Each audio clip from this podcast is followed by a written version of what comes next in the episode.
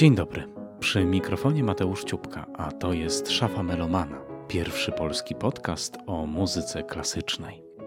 W szafie mieści się wiele rozmowy z artystami, organizatorami, badaczami, komentatorami życia muzycznego, odcinki solowe, nagrania live z udziałem słuchaczy, a nawet mini reportaże. Wspólnym mianownikiem dla tego wszystkiego jest muzyka, bo zajmuje się nią nie tylko z zamiłowania do sztuki dźwięku, ale także zawodowo. Pracuje w redakcji ruchu muzycznego, najstarszego polskiego magazynu o klasyce. Wszystkie odcinki podcastu znajdziecie na stronie szafamelomana.pl, na Spotify i innych popularnych platformach podcastowych. Jestem także na Facebooku i Instagramie.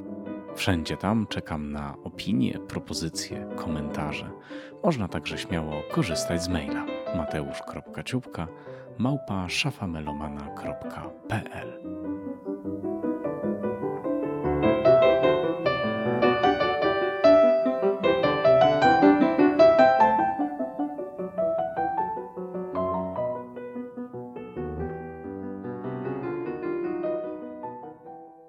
Dzisiaj zapowiadany już e, pierwszy w szafie Melomana odcinek solowy. E, odcinek, który poświęcam tematowi, którym żyjemy od e, kilku dni, czyli tematowi królowej Elżbiety. Oczywiście podcast jest o muzyce, a więc i będziemy rozmawiali o tym, mm, w jaki sposób Elżbieta II wpłynęła na świat muzyczny, jakie miejsce w tym świecie e, zajmowała, kim była dla muzyki klasycznej w Wielkiej Brytanii i nie tylko. E, ale zaczniemy ten e, odcinek, tę opowieść, którą Wam obiecałem, od, no a jakże od muzyki.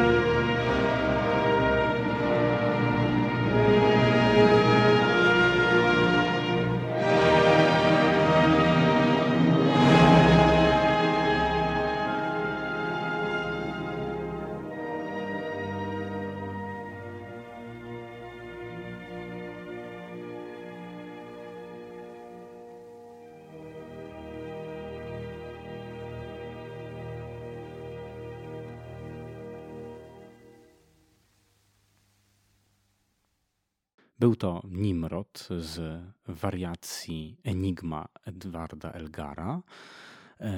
Kompozycja, która może w pierwszej kolejności nie kojarzy się z królową Elżbietą, kojarzy się oczywiście z Wielką Brytanią. To jeden z najsłynniejszych brytyjskich utworów, napisany przez jednego z najsłynniejszych brytyjskich kompozytorów. Wariacje Enigma, mm, powstałe w końcu XIX wieku, swoją premierę miały w 1899 roku, w lutym. Tak się złożyło, że mm, gdy gruchnęła informacja o tym, że królowa Elżbieta zmarła, trwał jeden z największych festiwali muzyki klasycznej na świecie, a bez wątpienia największy festiwal w Wielkiej Brytanii, czyli słynne BBC Proms. I na tym festiwalu występowała The Philadelphia Orchestra pod batutą Janika Neze-Segena. No i e, informacje, wszystkie dzienniki, stacje radiowe, portale podały na godzinę przed rozpoczęciem tego koncertu. Powstał oczywisty problem, co z tym wszystkim zrobić. No bo jak tu po prostu grać, jak tu po prostu cieszyć się muzyką, kiedy kraj e, w jednej chwili znalazł się w żałobie mm, po najdłużej panującej w nim monarchini. I Janik Nezesegem podjął taką decyzję, że mm, widzów, którzy no, już zaczęli się schodzić do mm, Royal Albert Hall, e, nie można zostawić z niczym, a można z kolei wykorzystać ten moment, aby złożyć muzyczny hołd Elżbiecie II. I w ten oto sposób zabrzmiały na tym koncercie tylko dwa utwory. I pierwszym był hymn God Save the Queen, a drugim właśnie dziewiąta wariacja z cyklu tych 14 Enigma Variations e, Edwarda Elgara, czyli Nimrod. No i w ten oto sposób kompozycja, która i tak już jest mocno obrośnięta historią, przejdzie dodatkowo do historii tym, że stała się pierwszą kompozycją zagraną po śmierci Elżbiety II E, dla uczczenia jej pamięci. No, nie może to dziwić, biorąc pod uwagę i charakter tej kompozycji, i e, jej specyficzną e, brytyjskość, jej specyficzną aurę, no, którą oczywiście gwarantował Edward Elgar. Połączeń tutaj jest sporo, ponieważ jeżeli myślimy o Elżbiecie II w świecie muzyki klasycznej, to Edward Elgar będzie pierwszym nazwiskiem kompozytora słynnego na cały świat, który, e, które nam przyjdzie do głowy. Ponieważ oto właśnie jego utwór, właśnie jego kompozycja tak zwana Nursery Suite, była pierwszą kompozycją w historii, która została Elżbiecie II zadedykowana. E, władczyni miała wówczas, jeszcze władczynią nie była, miała wówczas ledwo 4 latka. E, kompozycja dedykowana była jej oraz jej siostrze Małgorzacie, rok starszej. Mm, I to taki bardzo e, przyjemny, miły cykl e, symfoniczny, którego kolejne ogniwa e, noszą tytuły dziecięcych zabawek. Utwór oczywiście był napisany z myślą o dzieciach, z myślą o ich muzycznym rozwoju, ale przeszedł do historii nie tylko z uwagi na adresatów dedykacji, ale także był pierwszym utworem symfonicznym w historii, który swoją premierę miał nie w wersji koncertowej, w sali koncertowej, tylko swoją premierę miał na płycie. E, to znaczy, nagranie było pierwszym sposobem prezentacji tego utworu. Oczywiście wykonanie koncertowe również się odbyło i e, mała Elżbieta wraz z Małgorzatą nawet e, wzięły w nim udział.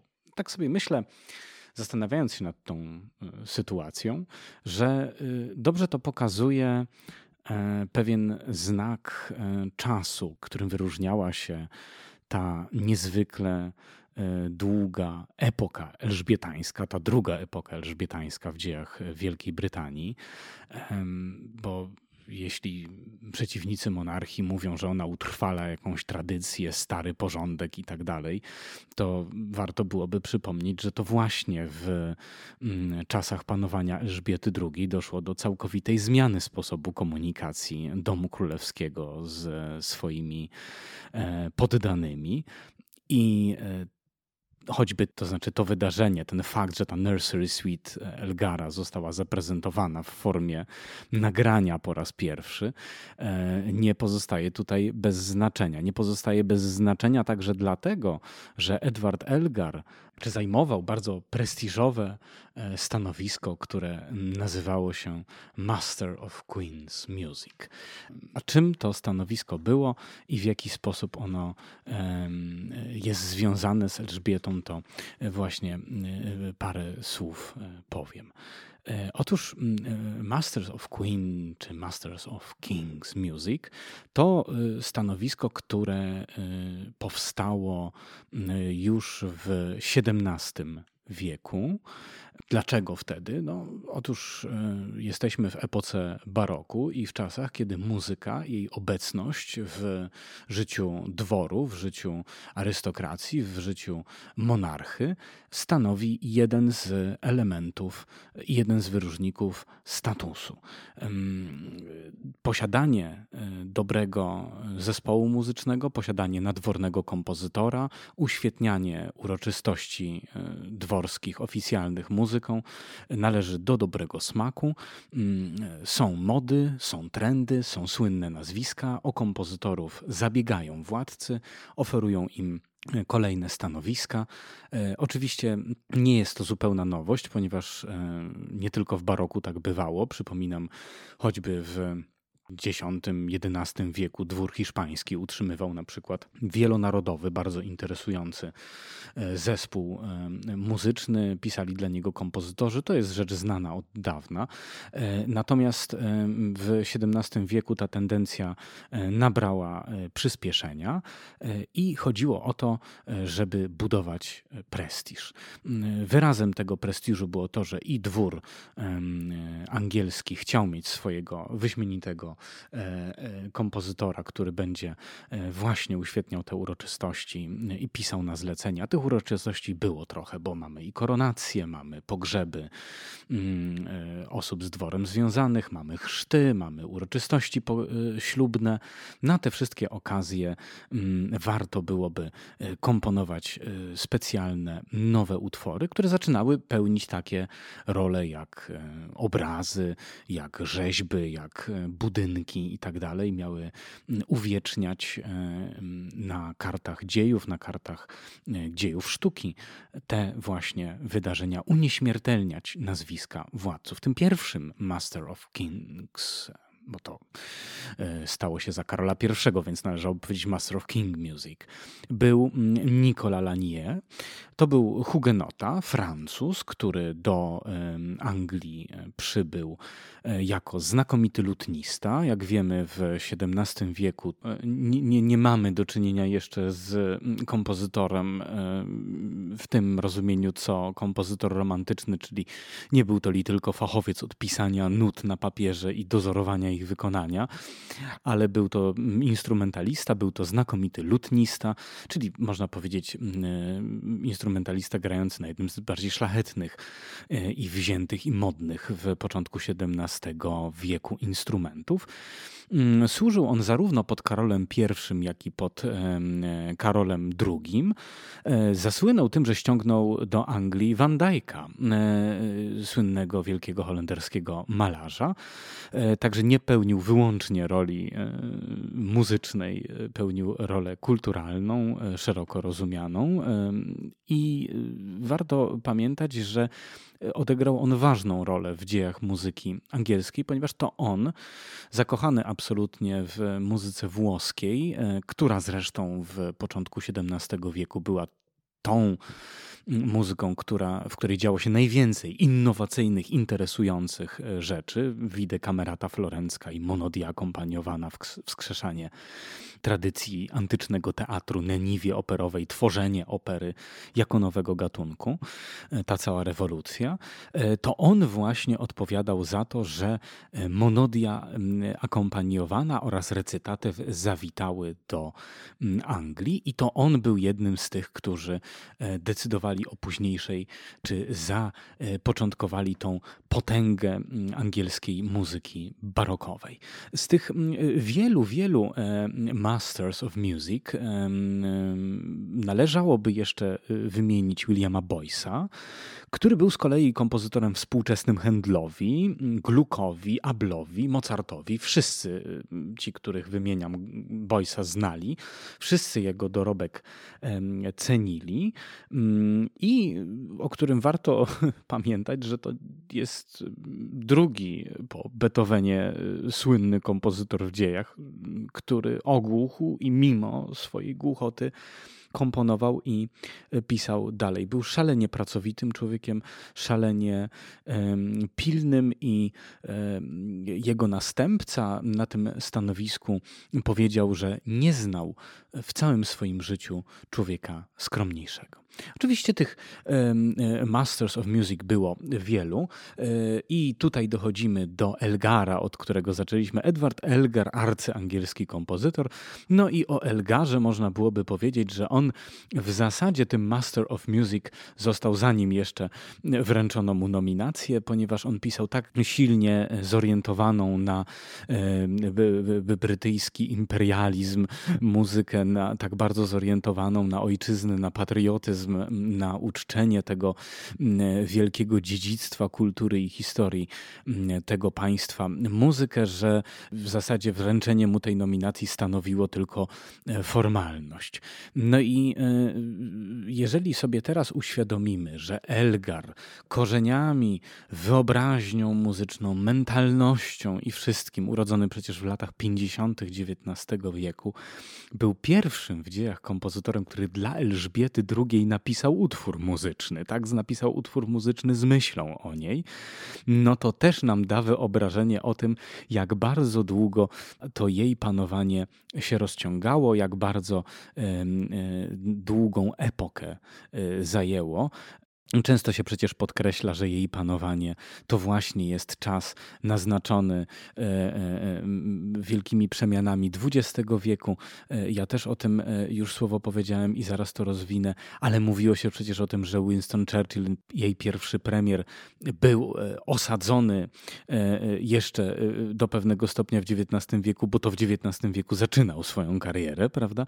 No to tutaj na niwie muzycznej to też jest widoczne. E, za czasów panowania Elżbiety II było czterech e, owych mistrzów muzyki. Pierwszym był Arthur Bliss, był e, Malcolm Williamson, który Blissa zastąpił.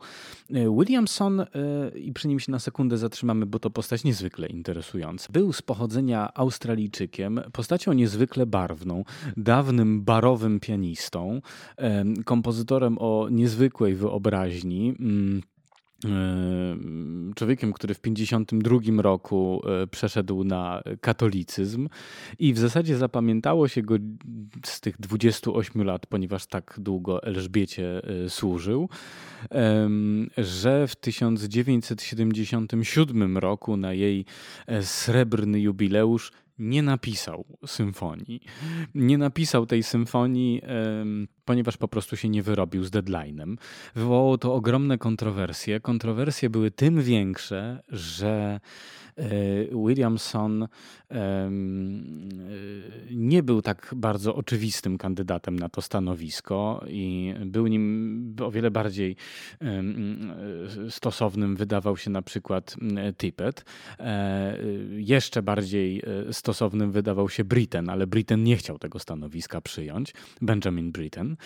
Natomiast no, tak się złożyło, że ci wszyscy przeciwnicy Williamsona, jego e, dość barwnego i fantazyjnego stylu życia i tak dalej, no, mieli wielkie schadenfreude, kiedy on się z tą symfonią nie wyrobił.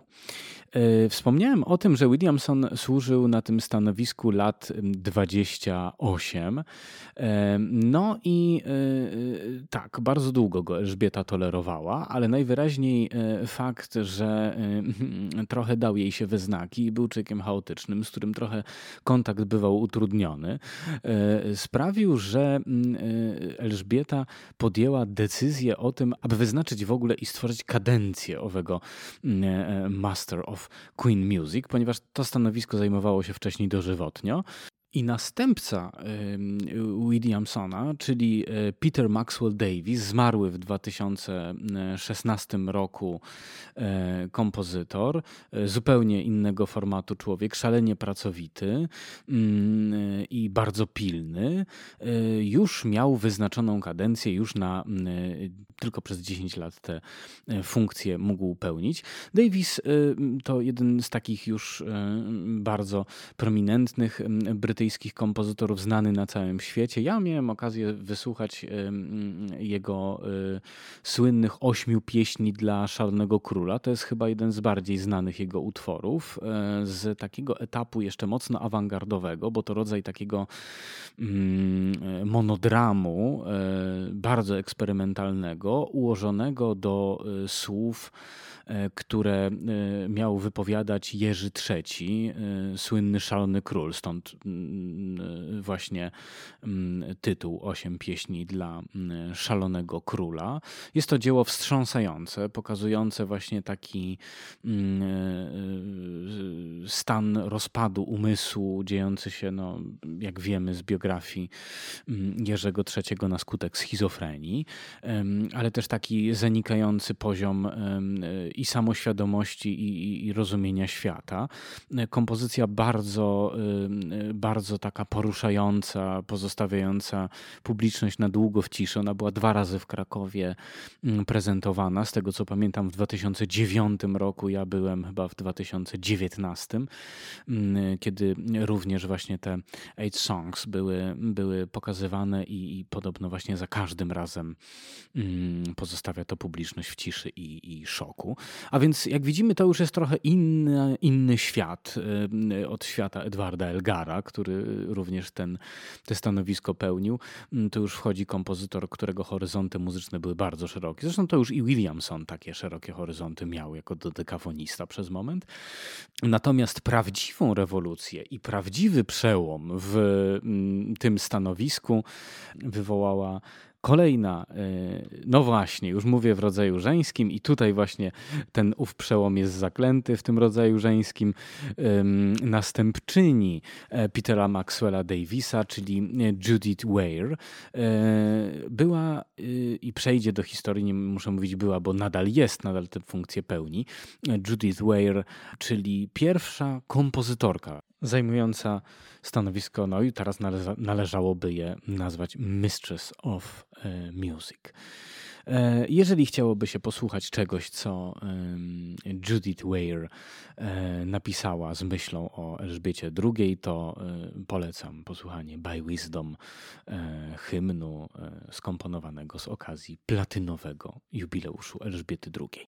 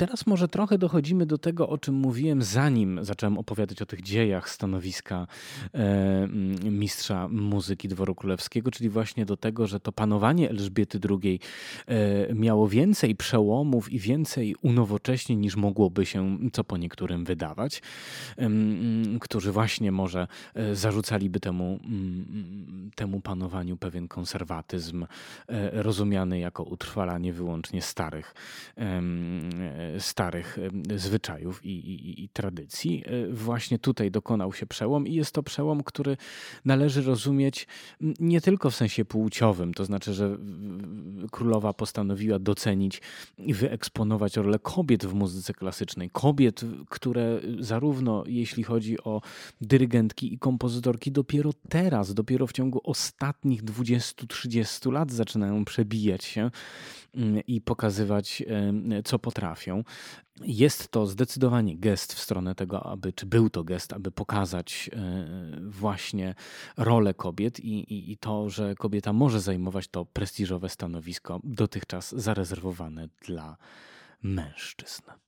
Należy jeszcze, może w nawiązaniu do tego y, stanowiska, o którym mówiłem, do tej roli Master Mistress of Queen's Music, podkreślić, że mm, królowa nie rezygnując z tego y, prastarego, istniejącego ponad cztery wieki stanowiska, doceniała muzykę i muzykę w jakiś sposób e, starała się wspierać.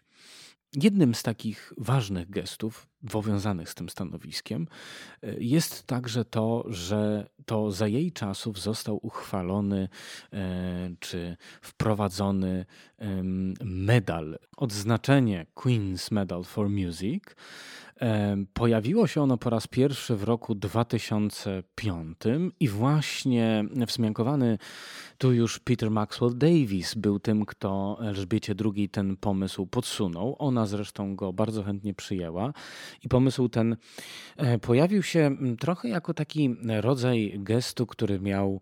Um, uzupełnić lukę, y, ponieważ, y, jak wiemy, kultywowanie muzyki w Wielkiej Brytanii jest bardzo intensywne, dużo bardziej intensywne niż w Polsce, ale brakowało w y, tym świecie muzycznym jakiegoś takiego scentralizowanego, państwowego sposobu mm, na wyróżnienie, pokazanie, nagrodzenie kogoś o wybitnym, wybitnym dorobku muzycznym. Nie jest to y, odznaczenie, które miało y, by być rodzajem zachęty dla młodych artystów. E, raczej y, jest mm, czymś, co ma podkreślić zasługi, co ma wskazać na wartość dorobku nagrodzonego i już to pierwsze odznaczenie przyznane w 2005 roku dla Sir Charlesa Macarasa, czyli jednego z najwybitniejszych brytyjskich dyrygentów XX wieku, jest właśnie takim gestem, który pokazuje, że ktoś, kto poświęcił życie praktycznie rzecz biorąc dla propagowania brytyjskiej twórczości, kto był wybitnym dyrygentem operowym, symfonicznym, właśnie, e, właśnie mm, na takie e, wyróżnienie od królowej zasługuje. Następnym nagrodzonym był Bryn Terfel, czyli doskonały śpiewak. Pośród tych wszystkich E, nagrodzonych był również Sir Colin Davis. Jeśli mówimy o dyrygentach, no to też przecież legenda brytyjskiej dyrygentury Emma Kirkby, czyli ta śpiewaczka, która przeciela, przecierała szlaki wykonawstwa muzyki dawnej, e, która dzięki swojemu niebywałemu talentowi pokazała ten barokowy, słynny, wspaniały repertuar brytyjski w zupełnie nowej e, postaci. To odznaczenie było jednym z wielu sposobów, poprzez które Elżbieta wpływała na kształt świata muzyki klasycznej. Jednak myślę, że tym, co w takim jakby najbardziej bezpośredni sposób na to życie muzyczne wpłynęło, była po prostu jej obecność. To znaczy fakt, że e, cieszyła się ona bardzo dużą e, popularnością, fakt, że dla świata artystycznego była źródłem inspiracji, widoczny jest w dużej ilości utworów, które zostały dla niej napisane. Ja tutaj w, tym, w tej naszej krótkiej audycji nie jestem w stanie e, ich wszystkich oczywiście wymienić, ich wszystkich wam polecić, mm, każdego z nich e, omówić. Tego jest mnóstwo, tego są setki, jeśli nie tysiące, dlatego że każda możliwa okoliczność jubileuszowa, każda uroczystość wiązała się z napisaniem jakiegoś, jakiegoś muzycznego utworu, zadedykowaniem, wydaniem, nagraniem itd., tak itd. Tak I nie była to wyłączna kompetencja owego Master of Queen's Music, ale była to e, zazwyczaj inicjatywa, e, e, w którą wielu, wielu muzyków się angażowało i wiele takich utworów było pisanych. Ja postanowiłem w zasadzie Wam opowiedzieć o czymś, co wcale nie jest akurat przypadkiem oczywistym, to znaczy ten, poprzez oczywisty przypadek rozumiem sytuację, w której jakiś kompozytor pisze utwór, tak jak na przykład William Walton Orb and Scepter, czyli hymn, jeden z wielu, które zostały mm, wykonane podczas koronacji Elżbiety w 1952 roku, ale mam na myśli utwór, który był Elżbiecie zadedykowany i poniósł sromotną klęskę, a mówię tutaj z kolei o mniej znanej operze e, Benjamina Brittena, czyli operze Gloriana.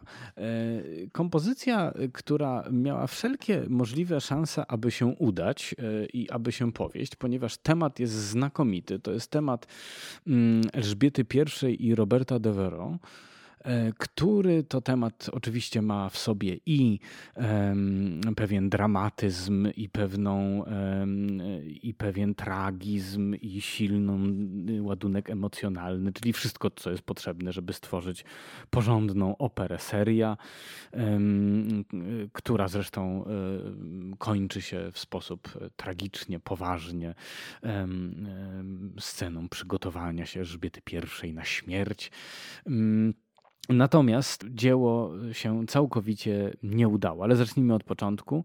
E, opera też powstała i też była e, napisana z myślą o koronacji Elżbiety II e, w 1953 roku. Podsunął ten pomysł Benjaminowi Brittenowi jego przyjaciel Lord Harwood, który był zresztą ówczesnym dyrektorem Covent Garden Opera. Trochę Britten miał tutaj iść w ślady Donizettiego, który mm, w 1837 roku popełnił właśnie operę w tym samym temacie, tylko kogo innego, drugiego mm, aktora tego, tej, tej, tej, tej strasznej historii, czyli Roberta Devereux wziął e, właśnie na e, tytułowego mm, bohatera. E, no tak, no ale dzieło koniec końców zostało zaprezentowane i całkowicie się nie spodobało. Zresztą kolejne próby pokazania go jakoś nie przyniosły tutaj e, rezultatu. No, y, podobno za y, katastrofę odpowiadało przede wszystkim niezbyt udane libretto, a muzyka jakoś się broni, natomiast tekst nieszczególnie. E, są pewne próby powrotu do e, tej kompozycji. Ona zdaje się w Stanach Zjednoczonych była wystawiana, są jakieś próby w okolicach różnych jubileuszy brytenowskich, aby ją przypominać, no bo to zawsze jest niezła okazja do tego, żeby pogrzebać troszkę w rzeczach nieznanych i coś może wydobyć na światło dzienne. Piotr Kamiński w swoim przewodniku operowym pisze, podsumowując Glorianę tak, szkoda jednak, że tak zręcznie zmajstrowany spektakl operowy nie miał częściej okazji bronić swych walorów. No cóż, miejmy nadzieję, że mm, ktoś jeszcze o tym wszystkim przypomni. Myślę jeszcze o tym, o tej obecności królowej Elżbiety. Jeżeli sobie wyobrazimy, że sama ta obecność wiele rzeczy zmieniała, sam fakt tego, że ona przybywała w różne miejsca, e, przyciągał uwagę. Mm, jeżeli na przykład potrzeba było po wojnie gromadzić środki, aby pomóc muzykom, bo ten kryzys był odczuwany wiele lat jeszcze po wojnie, pojawiała się gdzieś Elżbieta, jak na przykład w Royal Festival Hall, zresztą przy której otwarciu Elżbieta też była obecna, to zawsze udawało się gromadzić jakieś dodatkowe środki i ona też o tym wiedziała, dlatego też w tak wielu miejscach była. Ale oczywiście, żeby tutaj nie e, żeby tutaj nie e, roztaczać takiego e, jednoznacznie pozytywnego obrazu e, i nie lukrować tego wizerunku Elżbiety, nie mówić o tym, że od po prostu setki, tysiące wspaniałych utworów, no oczywiście szereg tych utworów, które został napisany z myślą o niej i dla niej dawno jest już zapomnianych albo się ich nie gra nigdzie poza Wielką Brytanią.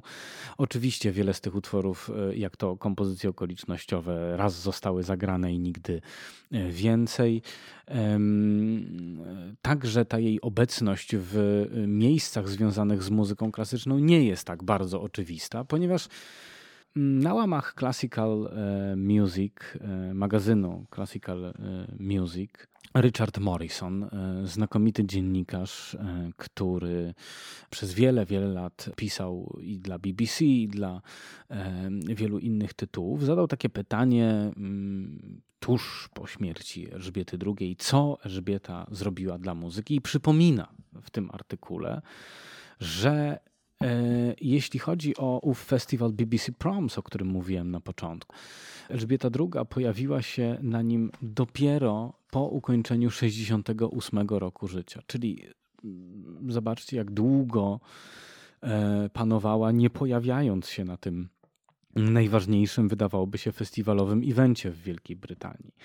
Zwraca e, także Morrison uwagę na to, że bardzo rzadko bywała w e, największym e, brytyjskim teatrze operowym, który zresztą przecież ma w swojej nazwie przydomek Royal, prawda, czyli Royal Opera House. Podkreśla także Morrison rzecz, która jest nie bez znaczenia, czyli fakt, że Elżbieta II nie bardzo lubiła się otaczać artystami. Nie była mm, tym typem mm, władcy, który ponad wszystko e, cenił ludzi sztuki i e, nimi się głównie zajmował. Choć oczywiście mm, to, że mówię nie ceniła ich ponad wszystko, nie znaczy, że ich nie ceniła. Wspomniałem już o medalu, wspomniałem o utrzymaniu stanowiska Master of Queen's Music.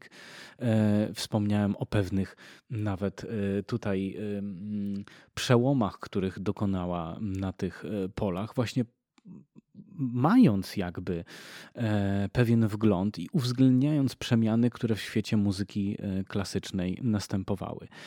Czas, który miała Elżbieta II, był czasem bardzo dobrze zorganizowanym i bardzo jednocześnie ograniczonym. Gdy dziś wylicza się, że odbyła wiele, wiele tysięcy spotkań z w zasadzie większością przywódców świata, jeśli do tego doliczymy tych 15 e, premierów, którzy za jej e, panowania e, rządzili, cotygodniowe z nimi spotkania, wszystkie możliwe okoliczności rodzinne, wszystkie grupy zawodowe, które jako monarchini musiała w taki czy inny sposób mieć na uwadze, e, terytoria zamorskie Wielkiej Brytanii, podróże i tak dalej, trudno sądzić, aby miała wiele czasu na to, aby zajmować się wyłącznie muzyką. Mam poczucie, że w tym ograniczonym czasie, który miała, i tak e, zrobiła sporo, i tak nie spychała zupełnie muzyki klasycznej na boczny tor. Natomiast i też miała sporo zrozumienia dla e, artystów, i tutaj właśnie tym świetnym przypadkiem będzie ten Malcolm Williamson, prawda, który na pewno musiał jakieś tam problemy sprawiać i trzeba było mieć dla niego dużo wyrozumiałości, a miała przez ponad 20 lat tę wyrozumiałość dla niego. W zasadzie na koniec należałoby jeszcze odpowiedzieć sobie na jedno pytanie. Jakiej muzyki słuchała chętnie Elżbieta II?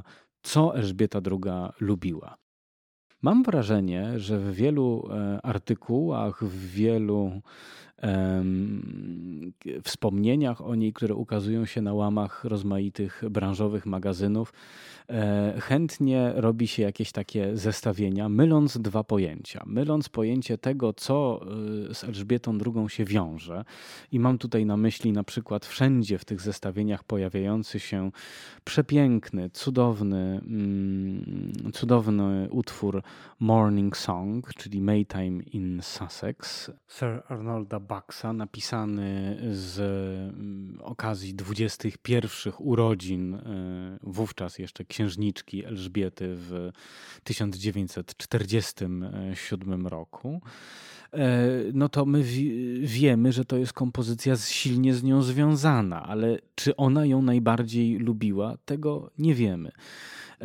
Królowa, y, podobnie jak w sprawach politycznych, tak i w sprawach sztuki, nie wypowiadała się y, oficjalnie, mówiąc, których kompozytorów lubi najbardziej albo które dzieła muzyczne y, ceni najmocniej. Znamy to zawsze z drugiej ręki. I tak na przykład swego czasu w jednej z audycji na falach BBC poświęconej właśnie e, ulubionej muzyce Elżbiety, to była audycja, nadana z okazji któregoś z tych jubileuszów. Je, jej kuzynka, y, y, darujcie, już nie pamiętam imienia, y, wspominała, że na przykład Elżbieta II e, preferuje i bardziej lubi e, musicale niż operę, e, wymieniając tam kilka tytułów, między innymi Showboat i inne tam wystawiane w, w Anglii musicale. No, są to wszystko jakieś zapośredniczone informacje, których królowa oficjalnie nie potwierdziła, więc tak naprawdę nie wiemy.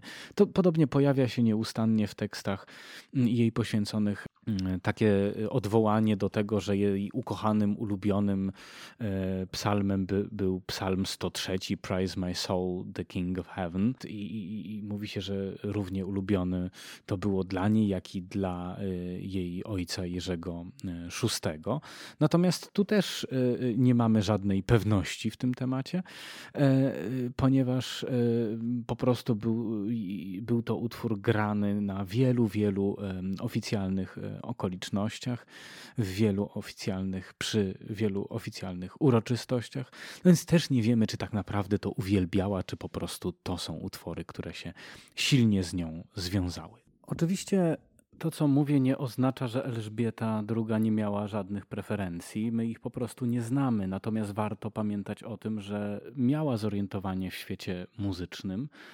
E, także w sensie praktycznym, ponieważ co zresztą zostało utrwalone na fotografiach, ale nie tylko we wspomnieniach, także e, się na to e, natykamy, że Elżbieta II potrafiła grać na fortepianie. W ogóle praktykowanie muzyki było na dworze królewskim rzeczą jasną i oczywistą. Jak wiemy, Karol obecnie już Karol III, czyli e, jej syn, e, jest z kolei wiolonczelistą.